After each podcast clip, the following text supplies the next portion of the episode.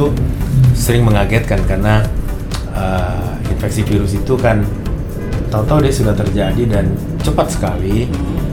Katanya kan ceritanya secara teori atau dia cepat pulih atau dia terus memburuk sampai terjadi kematian. Itulah sifat dari infeksi virus secara umum.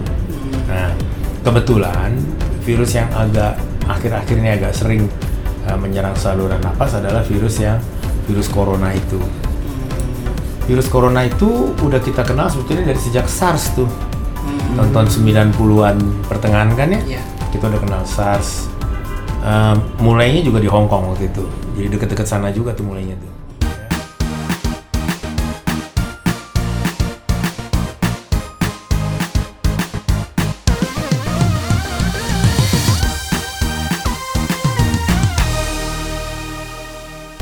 Oke, jadi balik lagi bareng kita. Ya. Gue Budi. Gue Adrian.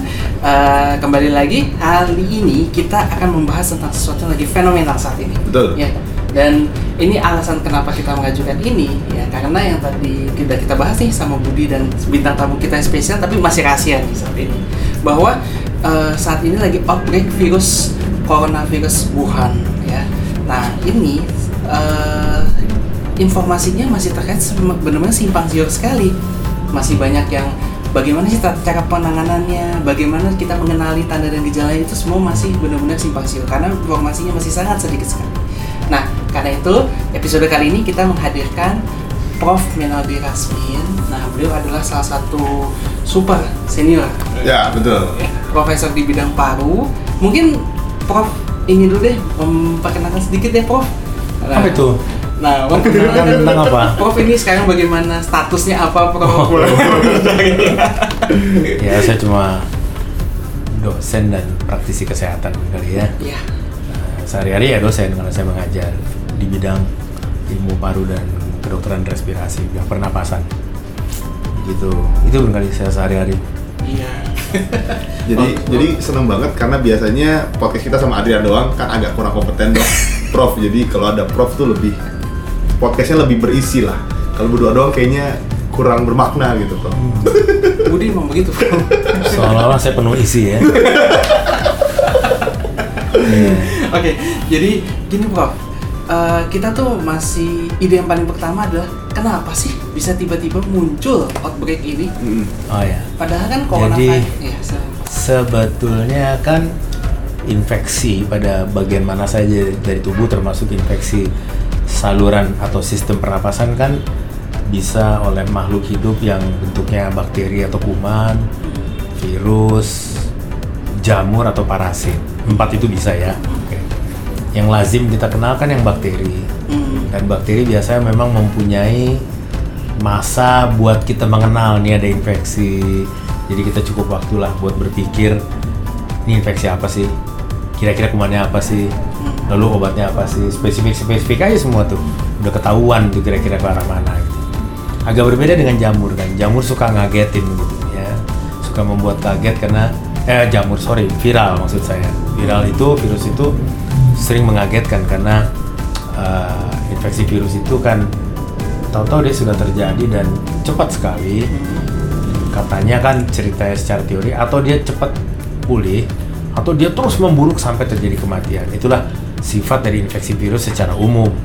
Nah kebetulan virus yang agak akhir-akhir ini agak sering uh, menyerang saluran nafas adalah virus yang virus corona itu.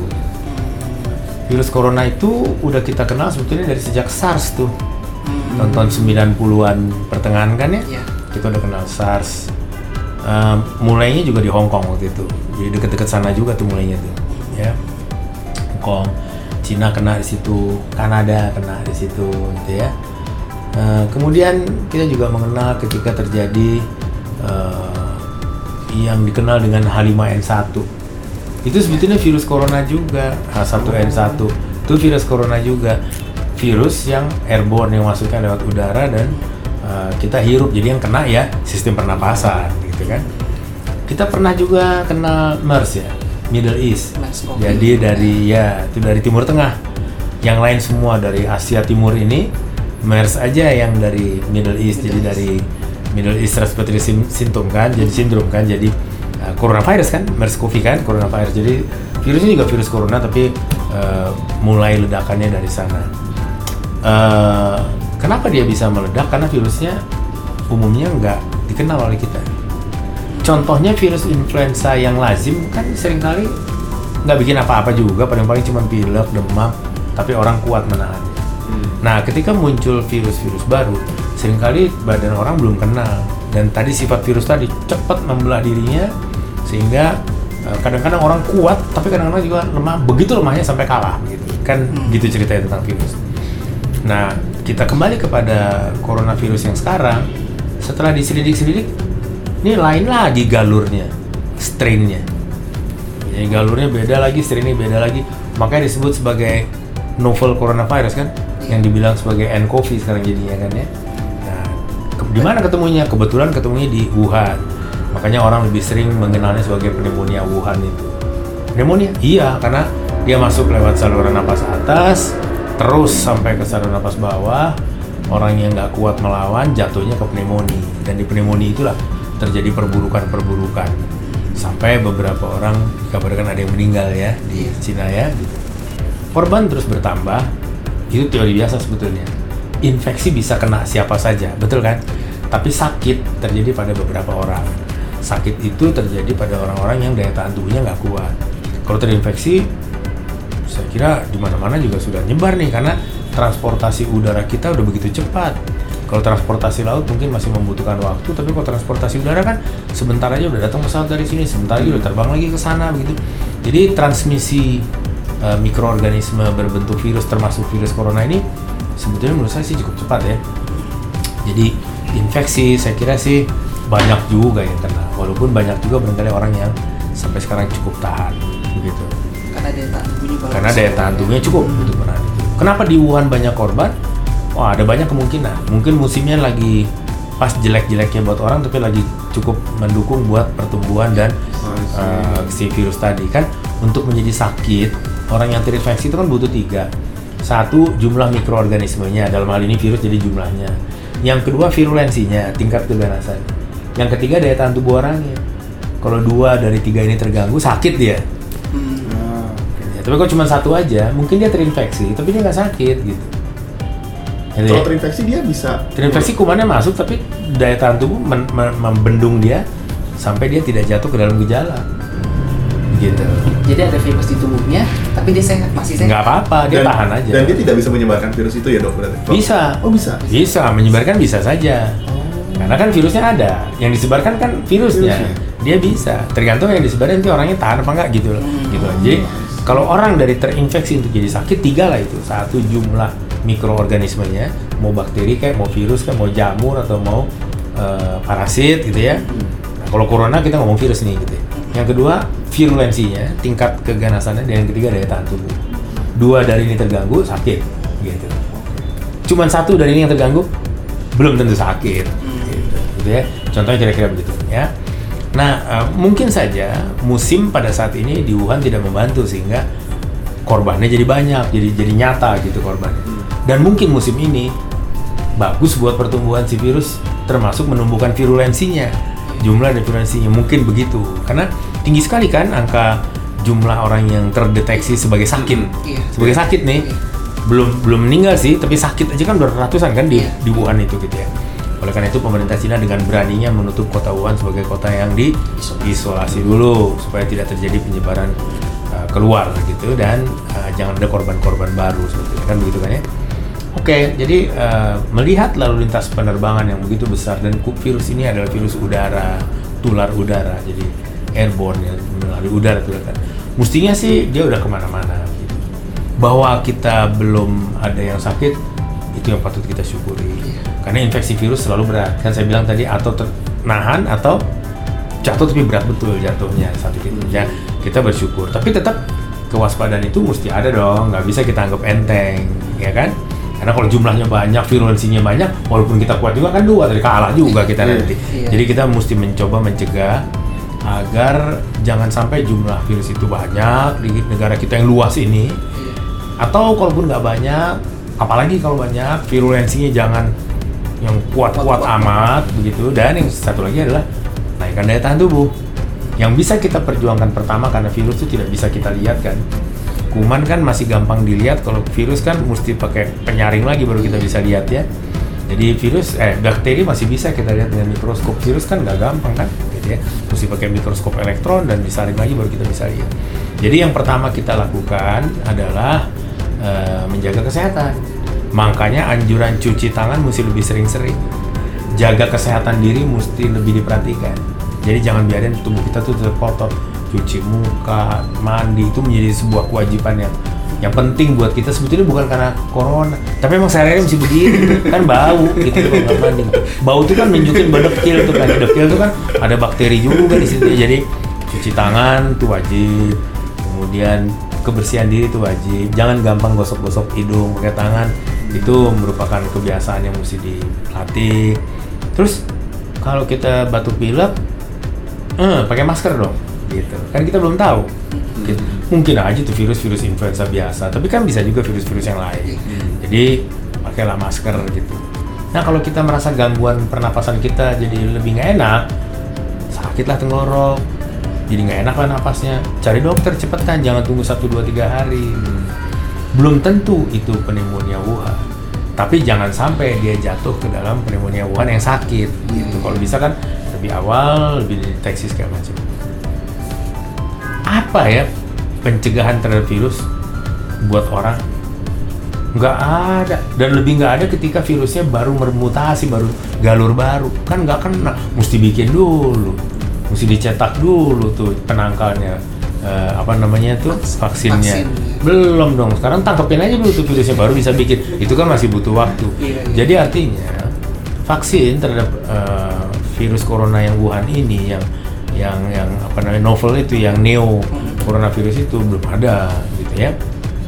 Dan banyak negara lagi bikin primernya tuh. Inggris bikin sendiri dan Jerman bikin sendiri Australia. Amerika bikin sendiri Amerika. Australia bikin sendiri Cina bikin sendiri. Nggak tahu juga yang mana nanti yang pas sebagai eh, yang bisa dipakai untuk dibikin jadi vaksin atau bikin jadi obat. Vaksin aja udah lama apalagi obat lebih lama lagi gitu ya. Belum mesti dipercobakan dulu kan lama itu karena ini virus gitu. Jadi virus itu kan mutasinya gampang sekali oleh karena itu vaksinasi terhadap virus antara iya dan tidak lebih banyak bilang tidaknya karena galurnya gampang sekali bermutasi kalau virus termasuk virus corona ini gitu. jadi yang lebih dipentingkan lebih diutamakan adalah menjaga kebersihan dan kesehatan lingkungan dan kesehatan dan kese- kesehatan diri pribadi itu barangkali yang menjadi eh, target point dari eh, eh, kejadian yang ada sekarang ini. Nah, jadi kalau bilang obat ada. Tapi kalau misalnya kena, nah sekarang kena gimana? Udah jelas kan? Kalau kena, ya seperti penanganan virus biasa. Apa itu? Belum ada kan obat antivirusnya? Jadi karena panasnya tinggi, dikasihlah obat demam, dikasihlah cairan yang banyak karena penguapannya banyak. Makannya mesti cukup supaya daya tahan tubuhnya cukup. Sebetulnya lebih banyak simptomatis nanti pengobatan itu. Tapi pasiennya tentu mesti diisolasi, jangan sampai nanti orang lain kena, gitu ya. Oleh karena itu di Indonesia kan eh, sudah banyak rumah sakit yang eh, ada yang disiapkan ruangan isolasi khusus, termasuk ICU-nya khusus gitu. Kalau-kalau terjadi eh, kasus itu gitu ya.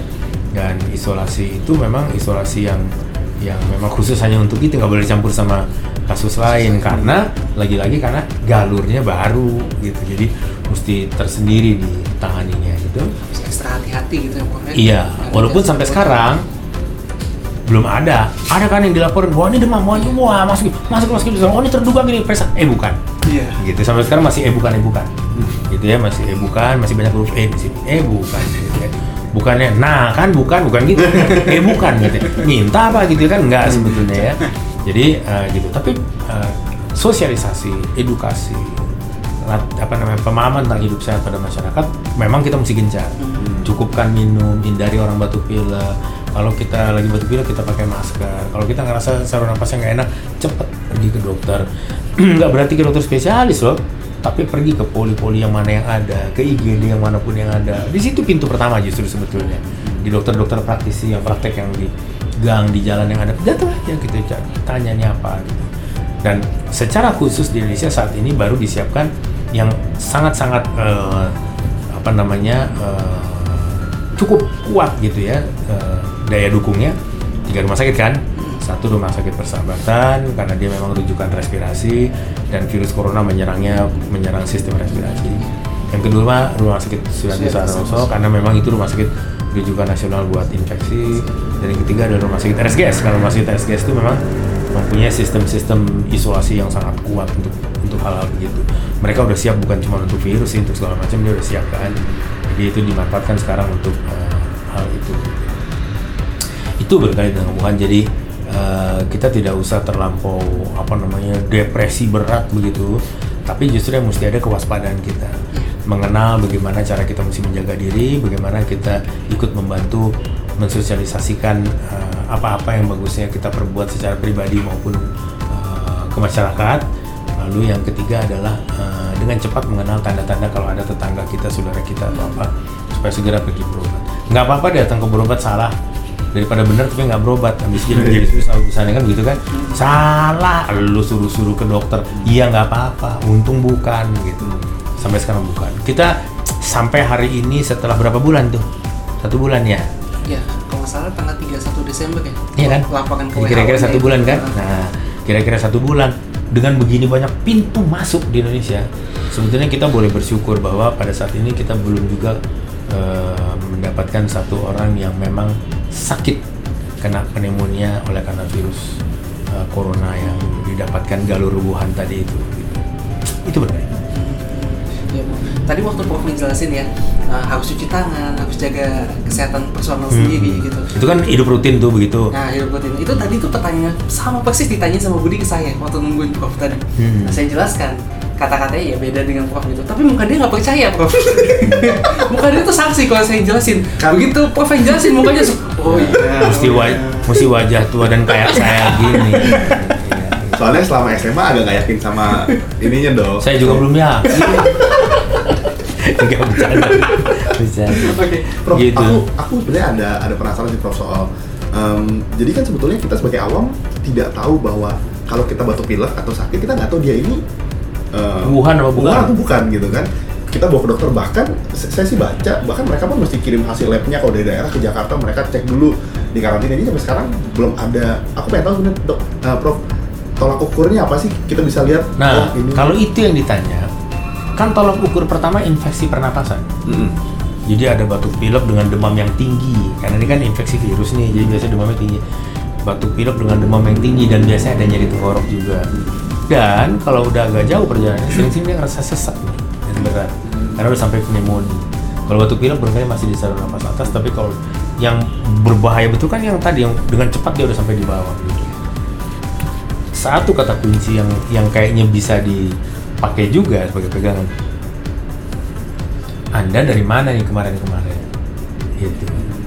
Kalau dia bilang habis beli buah di pasar depan sini, mungkin bukan lah, gitu ya. Ya, itu mungkin batuk pilek biasa lah yang lumrah lah buat hiburan sekali. Jangan sehat terus, ntar nggak nggak ingat sama yang maha kuasa ya dikasih sakit. Tapi kalau dia bilang saya minggu lalu baru datang dari Cina. Sorry untuk menyatakan negara, tapi memang negara itu yang sekarang sedang bermasalah kan gitu atau negara-negara yang saat ini dinyatakan memang punya kasus. Contohnya Vietnam, Thailand, Singapura. Nah, itu kita boleh eh, langsung pikir ini Wuhan bukan ya gitu. Itu boleh kita mikir begitu. Tapi kalau dia dari Timor Leste gitu, di Papua New Guinea, enggak lah sana eh,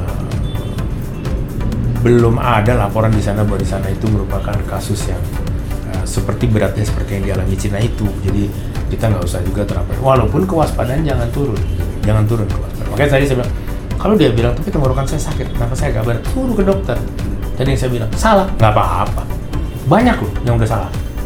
Karena antusias bilang Wuhan Wuhan begitu, pada suruh ke IGD, suruh ke rumah sakit segala macam, nggak pakai ke dokter umum yang praktek itu lagi, suruh ke IGD lah, suruh ke rumah sakit. Gitu.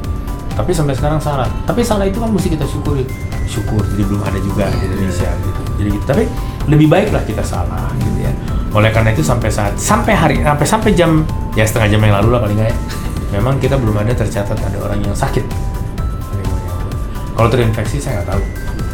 Nggak tahu saya. Karena yang baru pulang dari luar negeri itu kan nggak semua diperiksa kan. Iya. Ya, nggak semua juga ketahuan demamnya kan gitu. ya. Jadi ya nggak kita nggak tahu kalau terinfeksi. Tapi tadi saya bilang belum tentu terinfeksi itu sakit kan gitu. Jadi pesan tambahannya juga mungkin untuk para calon pasien yang di sana jangan sampai lupa menyebutkan histori perjalanannya ya. Itu ya. yang justru uh, kaitan yang pertama yang Ah, penting. Dari itu mana Anda? pentingnya. Juga buat para dokter. Iya, Ini iya, batuk iya. pilek, ah kasih aja buat batuk. Jangan kita tanya dari mana. Gitu. Iya, iya. Gitu kan dia bilang dari Hong Kong. Oh, kok nggak boleh oleh? Gitu. Gitu kan? Dari Hong Kong katanya. Oke, berapa hari di Hong Kong? Berapa lama sih inkubasinya itu? Iya, iya, iya. Inkubasinya katanya bisa sampai tiga minggu ya? Iya, jadi kalau dalam tiga minggu terakhir beliau di sana, berarti itu boleh kita pikir. Walaupun belum tentu iya, boleh saja kita meningkatkan kewaspadaan itu. Bisa jawab. Bisa, tapi nggak meyakinkan aja. Kalau Prof lebih, oh ya, bener Prof. Dalam hidup ini persoalan kepercayaan. Biar bodoh asal dipercaya daripada pintar. Yang penting- tapi kan dipercaya. Repot. Yang penting bawaan mukanya ya, Bro. ya. Tua gitu loh. gitu. Oke, eh, mungkin pertanyaan terakhir ya karena kita Ya. nggak mengganggu Prof terlalu banyak. Ini deh Prof minta pesan aja. Kita kan tahu eh, tenaga nggak ini eh, apa namanya dengan outbreak virus ini kan nggak cuma beban pada masyarakat luas ya, tapi juga kepada tenaga medis kita jadi lini pertama. Mm, betul Nah, sekali. karena selain harus pikirin pasien, mereka harus mikirin Mikirin diri diri mereka sendiri. sendiri. Iya. Agak jarang ya Ya. dokter yang lagi bertugas di IGD, lagi bertugas di rumah sakit, lihat orang sakit, emang ada banyak tuh yang tiba-tiba mikirin dirinya sendiri. Hampir nggak ada ya. Iya. Yang dia pikir gimana dia bisa nolong orang. Hmm. Tetapi betul eh, pernyataan ini betul. Saya juga ingatkan pada saudara-saudara saya, sejawat saya, adik-adik saya. eh, kalau orang tuh datang dengan lecet ya, nggak apa-apa seperti biasa. Tapi kalau datang dengan batuk pilek, pakai masker. Walaupun bukan Wuhan, tetap kalau batuk pilek pakai masker. Jangan-jangan TBC dia, kan gitu kan. Jadi tetap pakai masker. Itu mulainya dulu. Gitu. Pakai masker dulu, tahu dia cerita. Eh Hong Kong nih semalam, baru Telat. mulai mulai agak nyatet-nyatetnya lebih lebih lebih detail, lebih rinci. Tanya lagi ininya, keluhannya berapa hari dan sebagainya. Tapi betul bahwa uh, dalam hal ini kita mesti memberikan apresiasi baik dokter maupun perawat dan tenaga-tenaga penunjang nih Uh, saudara-saudara kita yang ngepelnya, yang ngelap-lap itu mesti juga menjadi perhatian kita bersama. Buat orang yang datang dengan batuk pilek, jangan mudah-mudah umbar batuk pileknya nunjukin sakitnya sakit apa. Pakai masker terus cerita deh batuk pileknya kayak apa. Jangan kayak gini nih batuknya, poang aja begitu, ya kan? Itu nggak boleh. Gitu. Itu kan mesti kita kasih tahu juga masyarakat bahwa kita tidak menuduh Wuhan. Apa pun batuk pilek itu gampang nular, jadi jangan jangan begitu gitu. Ya, jadi Anda kan mau ditolong kan, selamatkan dulu penolong Anda. Karena kalau dia sakit, siapa yang nolong kamu nanti kan gitu. Jadi ya, kita sama-sama ngerti dan kebetulan ada ada ada ledakan kasus yang agak sedikit bikin kita lupa segala macam gitu. Jadi ingetnya itu aja begitu. Nah, kita hati-hati aja. Siap. Nah, terima kasih Prof. You. Ini uh, informatif banget ya. Mudah-mudahan juga bisa mengklirkan kalau misalnya di di luar sana itu ada hoax apa ya kan terus tentang bagaimana Nah ya, tentang yang itu tolong dengarkan informasi dari sumber yang patut untuk didengar. Misalnya di radio itu yang bicara dokter misalnya. Minta maaf ya. Yang di luar itu mungkin siarannya dari rumah sakit. Ya. Atau barangkali saat ini karena itu sedang mengagetkan banyak orang, mungkin informasi itu justru langsung datang dari Kementerian Kesehatan. Itu aja pegang. Ya. Jadi jangan dengar berita dari yang macam-macam karena selain kita bingung, itu membuat rusuh yang nggak perlu saja gitu. Banyak sekali energi kita habis untuk berita-berita yang menge- mengejutkan, terserap tenaga kita, pikiran kita. Jadi takut ke sini, takut ke sana. Eh, padahal sesuatu yang mungkin nggak tepat sebetulnya. Masih banyak nih berita-berita yang sifatnya tidak tepat atau keliru gitu ya. Nah mungkin juga Dr. Budi dan Dr. Adrian juga untuk uh, mengedukasi masyarakat bahwa dengarkan satu sumber. Kalau saya kira kita dengarkan saja dari Kementerian Kesehatan karena itulah otoritas yang akan bertanggung jawab dan menjaga kesehatan nasional. Jadi uh, informasi dari mereka pasti yang paling bisa kita pegang. Siap. Baik. Prof. Uh, thank you banget. Jadi ini uh, konten yang sangat berkualitas yang kita bikin sama Profesor biar orang-orang juga nggak panik, jadi lebih aware sama kesehatan diri sendiri paling penting. Jadi bisa kita cegah ini untuk orang jadi sakit. Iya. Gitu ya. Itu aja ya. Oke, jadi sampai kita ketemu di episode selanjutnya yang tidak akan kalah berkualitas lagi dengan episode ini. Oke. Oke, Stay healthy. stay alive. Bye-bye. Bye-bye.